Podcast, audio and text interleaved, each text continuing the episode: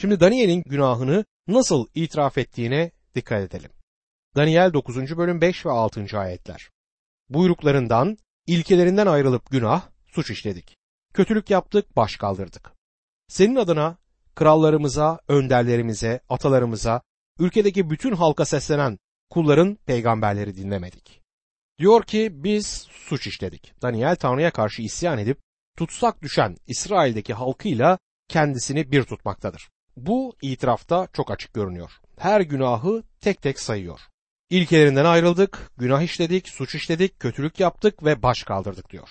Aynı zamanda peygamberleri de dinlemedik. Hiçbirini unutmadan hepsini sıralamaktadır. Bence biz de günahlarımızı itiraf ederken böyle yapmalıyız.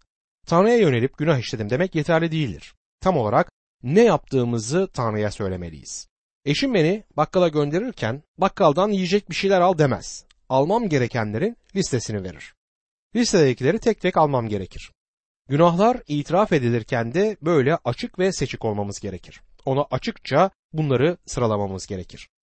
Bunu yapmak zor gelebilir ancak ona itiraf etmemiz gereken ve zaten o da bu itirafların ne kadar zor ve çirkin olduğunu bilir. Ona bu itirafları açık ve dürüst bir şekilde yapmalıyız ve açıkça Rab'be yaklaşmalıyız. Daniel 9. bölüm 7. ayet Sen adaletlisin ya Rab. Sadakatsizliğimiz yüzünden bizi uzak yakın ülkelere sürdün. Oralarda yaşayan biz Yahudiler, Yarışilim halkı, İsrailliler bugün utanç içindeyiz diyor. Sadakatsizliğimiz yüzünden bizi uzak ve yakın ülkelere sürdün. Yahudi ulusu dağılmıştı ancak kaybolmuş bir soy değildi. Kaybolan bir soy olmadılar. Kaybolan bir soydan ya da ırktan söz etmek yanlış. Kavimin bir bölümü Babil'de Daniel'in yanındaydı. Bir bölümü ise uzaklardaydı ancak o onların nerede olduğunu biliyordu. Kaybolduklarını değil, dağıldıklarını söyler. Sana karşı sadakatsizlik gösterip hainlik ettikleri için kendilerini başka başka ülkelere sürdün der. Daniel 9. bölüm 8 ila 14. ayetler.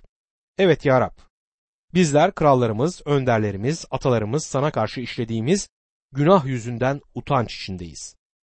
Sana karşı geldiğimiz halde sen acıyan, bağışlayan Tanrımız Rab'sin. Tanrımız Rabbin sözüne kulak vermedik. Kulları peygamberler aracılığıyla bize verdiği yasalara uymadık. Bütün İsrail halkı yasana çiğnedi. Sırtını sana dönüp seni dinlemek istemedi. Bu yüzden Tanrı kulu Musa'nın yasasında yazılan lanet başımıza yağdı. İçilen ant yerine geldi. Sana karşı günah işledik. Üzerimize büyük yıkım getirerek bizim ve bizi yöneten, önderlerimiz için söylediğin sözleri yerine getirdin. Yarışilim'in başına gelen, göğün altındaki başka hiçbir kentin başına gelmemiştir. Musa'nın yasasında yazıldığı gibi bütün bu yıkımlar başımıza geldi. Buna karşına ey Tanrımız Rab, suçumuzdan dönüp senin gerçeklerine yönelerek lütfunu dilemedik. Rab üzerimize yıkım göndermekten caymadı. Çünkü Tanrımız Rab yaptığı her şeyde adildir. Bizse onun sözüne kulak vermedik. Buraya kadar Daniel'in Tanrı'nın iyiliğiyle İsrail'in günahı arasındaki karşıtlığı nasıl ortaya koyduğunu fark etmenizi isterim. Tanrı'nın doğruluğu ile onların utancını karşılaştırmaktadır. Tanrı'ya karşı suç işlediklerinden dağılmışlardı. Aldıkları cezayı hak ettiler. Tanrı onları tutsaklığa göndermekte haklıydı. Tanrı haklıydı, yanlış olan ise onlardı. Dostum eğer Tanrı'ya gider ve günahınız için bahaneler üretip ona Rab zayıf olduğumu ve koşullarımı biliyorsun derseniz günahınızı Tanrı'ya yüklemiş olursunuz. O zaman Tanrı'ya sen hata yaptın. Tüm bunları dikkate almalıydın demiş oluruz. Bana çok sert davranıyorsun ve bu konuda yanlışsın. Sevgili dostum hepimiz layık olduğumuz karşılığı alıyoruz. Tanrı'ya gidip günahlarımızı itiraf etmemiz gerekir. Günümüzde bazıları Tanrı'nın yaptıklarında hatalı olduğunu ima ediyorlar.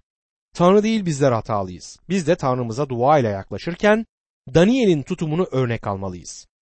Tanrı bizi tümüyle terk etmez ancak biz kendimiz için bahaneler üretmeyi bırakmaz ve Tanrı'nın merhametini isteyebilecek duruma gelmezsek o da bizim için harekete geçmeyecektir. Daniel 9. bölüm 15 ila 18. ayetler arasında Ey Tanrımız Rab! Sen halkını Mısır'dan güçlü elinle çıkardın ve bugün olduğu gibi ün kazandın.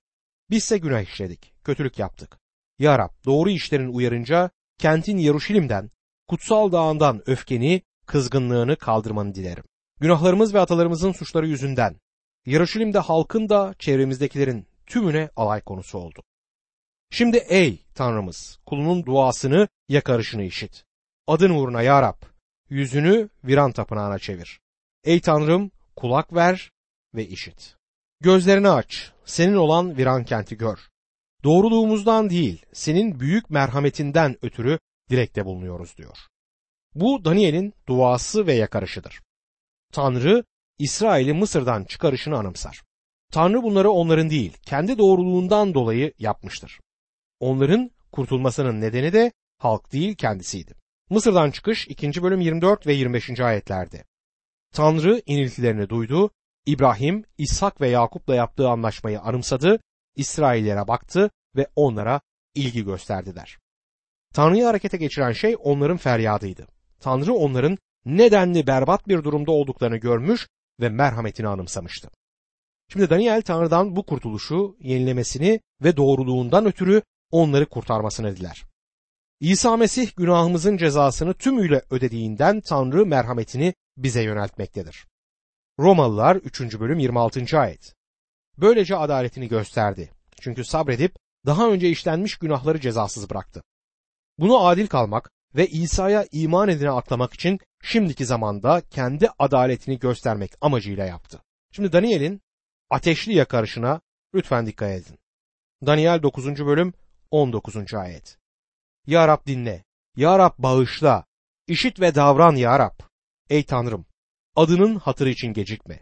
Çünkü kent ve halk senindir. Bu Daniel'in yakarışının zirvesidir.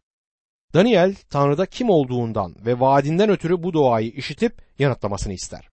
İsrail'de iyi olan yoktu.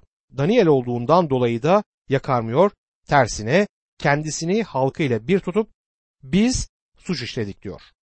Tanrı'nın adı tehlikededir ve Daniel Tanrı'nın yüceliği ve adı ile yakından ilgileniyordu. Onun yakarışının temelini işte bunlar oluşturur. Daniel Tanrı'nın önünde kendi günahını itiraf etmektedir. Daniel dua ederken yanıtı da yoldadır. Daniel 9. bölüm 20. ayet. Ben daha konuşup dua ederken günahımı ve halkım İsrail'in günahını açıkça kabul edip Tanrım'ın kutsal dağı için dilekte bulunurken diyor Daniel. Burada günahımı dediğine dikkat ediniz. Daniel günahlı olduğunu itiraf ediyordu. İlginç olan nokta şudur. Kutsal kitabın hiçbir yerinde Daniel'in işlediği bir günahtan söz edilmez. Aslında düşmanları onun yaşamında bir yanlış bulabilmek için her yolu denediler ancak bir şey bulamadılar. Sık sık söylediğim bir şey var. O da kimsenin on emre uyarak kurtulmamış olduğudur. Eski antlaşmada on emre uyarak kurtulmuş birine ait bir örnek bulabilen varsa bana göstersin. Bir akşam toplantıda eski antlaşmada on emre uyarak kurtulan kimsenin olmadığını söyledim. Orada bulunanlardan biri bana gelip şöyle dedi. Eski antlaşmada günah işlememiş birisi var. O Daniel'dir. Ona haklı olduğunu söyledim. Daniel'in kayıtlı bir günahı yoktu. Sonra da Daniel'in bu ayetteki sözlerini gösterdim. Ben daha söylemekte ve suçumu itiraf etmekteyken diyor Daniel. Hiç günah işlememiş olsaydı günahını itiraf ederken yalan söylüyor olurdu. Dolayısıyla Daniel günahlıdır. Öyle inanıyorum ki bana bu soruyu soran kişi kutsal kitaptaki şu sözleri okuyunca ikna olmuştur. Romalılar 3. bölüm 23. ayet. Çünkü herkes günah işledi ve Tanrı'nın yüceliğinden yoksun kaldı. Eğer şimdi de Daniel'in hangi günahı işlediğini merak ediyorsanız vazgeçin. Bu ne sizi ilgilendirir ne de beni. Tanrı sözü bunu kaydetmemiştir. Daniel günahlıydı ve on emri yerine getirmekte de kurtulmamıştır. Daniel kendisini ve halkını Tanrı'nın merhametine bırakmıştı. Tanrı'nın kutsal dağı için Tanrım Rabbe dilekte bulunurken diyor. Bu oradaki Kudüs ve Tanrı'nın krallığıdır. Yaşaya 2. bölüm 1 ve 2. ayetler işte burayı işaret eder. Daniel 9. bölüm 21. ayette daha dua ederken önceden görümde gördüğüm adam Cebrail akşam sunusu saatinde hızla uçarak yanıma geldiler. Adam Cebrail. Bu Cebrail bir melekti ve insan şeklinde görünmektedir. Göründüğü zaman ise Yaruşilim'deki akşam sunusunun zamanıdır ki bu öğleden sonra saat 3 sularıdır. Şimdi 70 hafta ile ilgili peygamberliğin olduğu bölüme geliyoruz. Bu bölümü gelecekle ilgili çalışmalarda çok önemli hale getiren Cebrail'in peygamberlikte bulunduğu olaylardır. Burada Daniel'in bir ön bildirisi vardır. Daniel 9. bölüm 22 ve 23. ayetler. Daniel, sana anlayış vermek için geldim diye açıkladı. Sen Tanrı'ya yalvarmaya başlar başlamaz duan yanıtlandı. Bunu bildirmeye geldim. Çünkü sen çok sevilen birisin. Bu nedenle sözün anlamını kavra ve görümü anla diyor bu ayetlerde. Daniel'in duasına hemen yanıt aldığına dikkat edin. Doktor Gabriel'in Daniel'in duasını İbranice olarak 3 dakikada okuduğu söylenir. Daniel duasını bitirene kadar melek Cebrail oraya ulaşmıştı. Bunun üzerine Cebrail'in cennetten yeryüzüne inişinin 3 dakika sürdüğü öne sürülür. Belki de Daniel dua ederken gözlerini kapatmıştı ve Cebrail de o sırada gelip 2 dakika daha onun duasını bitirmesini beklemişti. Rab Tanrı şu vaatte bulunuyor. Yaşaya 65. bölüm 25. ayet. Onlar bana yakarmadan yanıt verecek, daha konuşurken işiteceğim onları. Daniel'in cennette çok sevilmiş olduğuna dikkat edin. Bu harika bir durum. Tanrı İsa Mesih'e iman edenleri Mesih'te görmektedir. Efesliler 1. bölüm 6. ayete göre biz sevgide kabul edilmiş durumdayız. Dolayısıyla imanlı kişi Mesih'te olduğundan sevilmektedir. 70 hafta İsrail'in suçlarının sonlanışını da belirtmektedir. Daniel 9. bölüm 24. ayet. Başkaldırıyı ortadan kaldırmak, günaha son vermek, suçu bağışlatmak, sonsuza dek kalıcı doğruluğu sağlamak, görün ve peygamberliği mühürlemek, en kutsalı meshetmek için senin halkına ve kutsal kentine 70 hafta kadar zaman saptanmıştır diyor. 70 hafta 7 yıllık haftaları, 7 günlük haftaları ya da herhangi bir dönemin 7 bölümünü ifade edebilir. 7 sözcüğünün İbranicesi şahabuadır. Ölçü birimi anlamına gelir. Bizim düzüne kavramımıza benzeyen bir sözdür. Tek başına kullanıldığında bir düzüne yumurta gibi kullanılabilir. Dolayısıyla burada 70 hafta ile 70 tane yeri kastedilmektedir. Herhangi 7 şeyin 70 tanesi anlamına gelir. Birim, gün ya da yıl olabilir. Buradan Daniel'in Yeremya'dan 70 yıl ile ilgili bir yeri okuduğu anlaşılmaktadır. Yeremye tutsaklığın 70 yıl süreceğini yazmakta ve vaaz etmektedir. 70 yıllık tutsaklık 70 sept yılını bozmanın cezasıydı. Bu 70 kez 7 yani 490 yıl için tam 70 sept yılını bozmuştu. Dolayısıyla 70 yıl süreyle tutsaklığa düştüler. Böylece Rabbin Yeremye aracılığıyla söylediği söz yerine geldi. Ülke tutulmayan şabat yıllarını tamamlayıncaya dek 70 yıl doluncaya kadar ıssız kalıp dinlenecekti. Buradaki peygamberliğe göre ki Yeremya 36. bölüm 21. ayettir bu. Bir hafta 7 yıl, 7 hafta 490 yıl ve 3 döneme ayrılmış 70 hafta, 7 hafta, 62 hafta ve 3 döneme ayrılmış 7 hafta şeklinde hesaplanabilir. Daniel şimdi 70 yıllık tutsaklığın sonunu 7 ve 8. bölümlerdeki görümlerin açıkça ortaya koyduğu diğer ulusların uzun süreli dünya egemenliğiyle nasıl uyum içerisinde olduğunu merak ediyordu. 70 yılın sonunda halkının ülkesine döneceğini vaat edilen Mesih'in geleceğini ve Davud'a vaat edilen krallığın kurulacağını düşünmüş olması olasılığı vardır. Her ikisi birden nasıl doğru olabilirdi? Eminim bu durum ona çelişkili görünmüştür. Ve peygamberliklerin oluşturduğu çözümsüz bir durumla karşı karşıya kaldığını düşünmüştür. 70 hafta ya da 70 tane 7 iki soruyu yanıtlamaktadır. İsrail'in krallığı hemen ortaya çıkmayacaktır. 70 kere 7'nin tamamlanması gerekmektedir. Bu 70 kez 7 diğer ulusların zamanına uymakta ve onunla eş anlamlı olarak gitmektedir. Şimdi diğer ulusların zamanına uymak için dönemlere ayrılmıştır. Buradaki hükmolundunun sözcük anlamı kesmek ve ayırmaktır. Buradaki 70 kez 7 biraz sonra paylaşacağım ayetlerinde gösterdiği gibi kesilmiş ve ayrılmış zaman birimleridir. İsrail ile ilgili 70 kere 7 ve diğer ulusların zamanı aynı anda sona erecektir. Ve bu da Mesih'in ikinci gelişinde gerçekleşecektir. Peygamberliğin doğru anlaşılması için bunu bilmek oldukça önemlidir. 70 hafta halkı yani Daniel'in halkını ilgilendiren bir konudur. Bu da İsrail'dir yani kutsal şehir. Ve açıkça söyleyebilirim burası da Kudüs'ten başkası değildir. Bu 70 haftada yani 490 yılda 6 şeyin tamamlanması gerekir. Biraz sonra da ifade edeceğim gibi bu haftaların 69'u bitmiştir ve bir tanesi kalmıştır. Yerine gelecek 6 olayı sizlerle paylaştığım zaman bu daha açık olacaktır. İlk olarak süreleri sona erdirmektir. Bu İsrail'in suçlarına göndermede bulunur. Çarmıh ulusun günahtan kurtulmasını sağlamıştır ancak herkes bunu kabul etmemiştir. Bugün insanlığın kurtuluşunu sağlayan haber yeryüzünün her yerine dek ulaşmıştır. Ancak son hafta ile ilgili olarak bakın Tanrı ne diyor? Zekeriya 12. bölüm 10. ayet. Davut soyuyla Yarışilim'de oturanların üzerine lütuf ve yakarış ruhunu dökeceğim. Bana yani deştiklerine bakacaklar. Biricik oğlu için yas tutan biri gibi yas tutacak, ilk oğlu için acı çeken biri gibi acı çekecekler. Ayrıca Zekeriya 13. bölüm 1. ayet. O gün Davut soyunu ve Yarışilim'de yaşayanları günahtan ve ruhsal kirlilikten arındırmak için bir pınar açılacak. Bu ayetlerde bunlar söyleniyor. Henüz bu gerçekleşmemiştir. Tüm yapmamız gereken İsrail'e bakmamızdır. O zaman bunun gerçekleşmediğini sizler de görürsünüz. İkinci nokta ise günahı bitirmektir.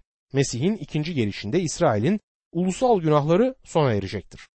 Diğer bir ulustan ya da halktan farkları yoktur. Hem birey hem de ulus olarak İsrail günahlıdır. Ulus olarak da birçok yanlışları olmuştur ve Tanrı tüm bunları sonlandıracaktır. Üçüncü nokta ise Mesih'in ölümü ve dirilişiyle kurtuluşun sağlanmış olmasıdır. Bu elbette hem Yahudileri hem de Yahudi olmayanları kapsar. Yani günah için kefaret sunmaktır bu. Bu 70 haftalık süre içerisinde Tanrı bunu sağlayacaktır. Dördüncü nokta sonsuz doğruluğu getirmektir. Bu 490 yılın sonunda krallığını kurmak için Mesih'in dönüşüne göndermede bulunmaktır. Beşinci nokta görümler ve peygamberliği mühürleme noktasıdır. Bu her şeyin sırasıyla olacağını ifade eder. Kutsal yazılardaki diğer peygamberlikler gibi bu peygamberlikler de gerçekleşecektir. Altıncı olarak şöyle söyleyebilirim. Kutsalını meshetmek için bu Hezekiel 41. bölümdeki 46. ayette sözünü ettiği bin yıllık dönemin tapınakta kutsallar kutsalının meshedilmesine göndermede bulunur. Daniel 9. bölüm 25, 26 ve 27. ayetler. Şunu bil ve anla. Yarışını yeniden kurmak için buyruğun verilmesinden meshedilmiş olan önderin gelişine dek 7 hafta geçecek. 62 hafta içinde Yarışilim yeniden sokaklarla, hendeklerle kurulacak.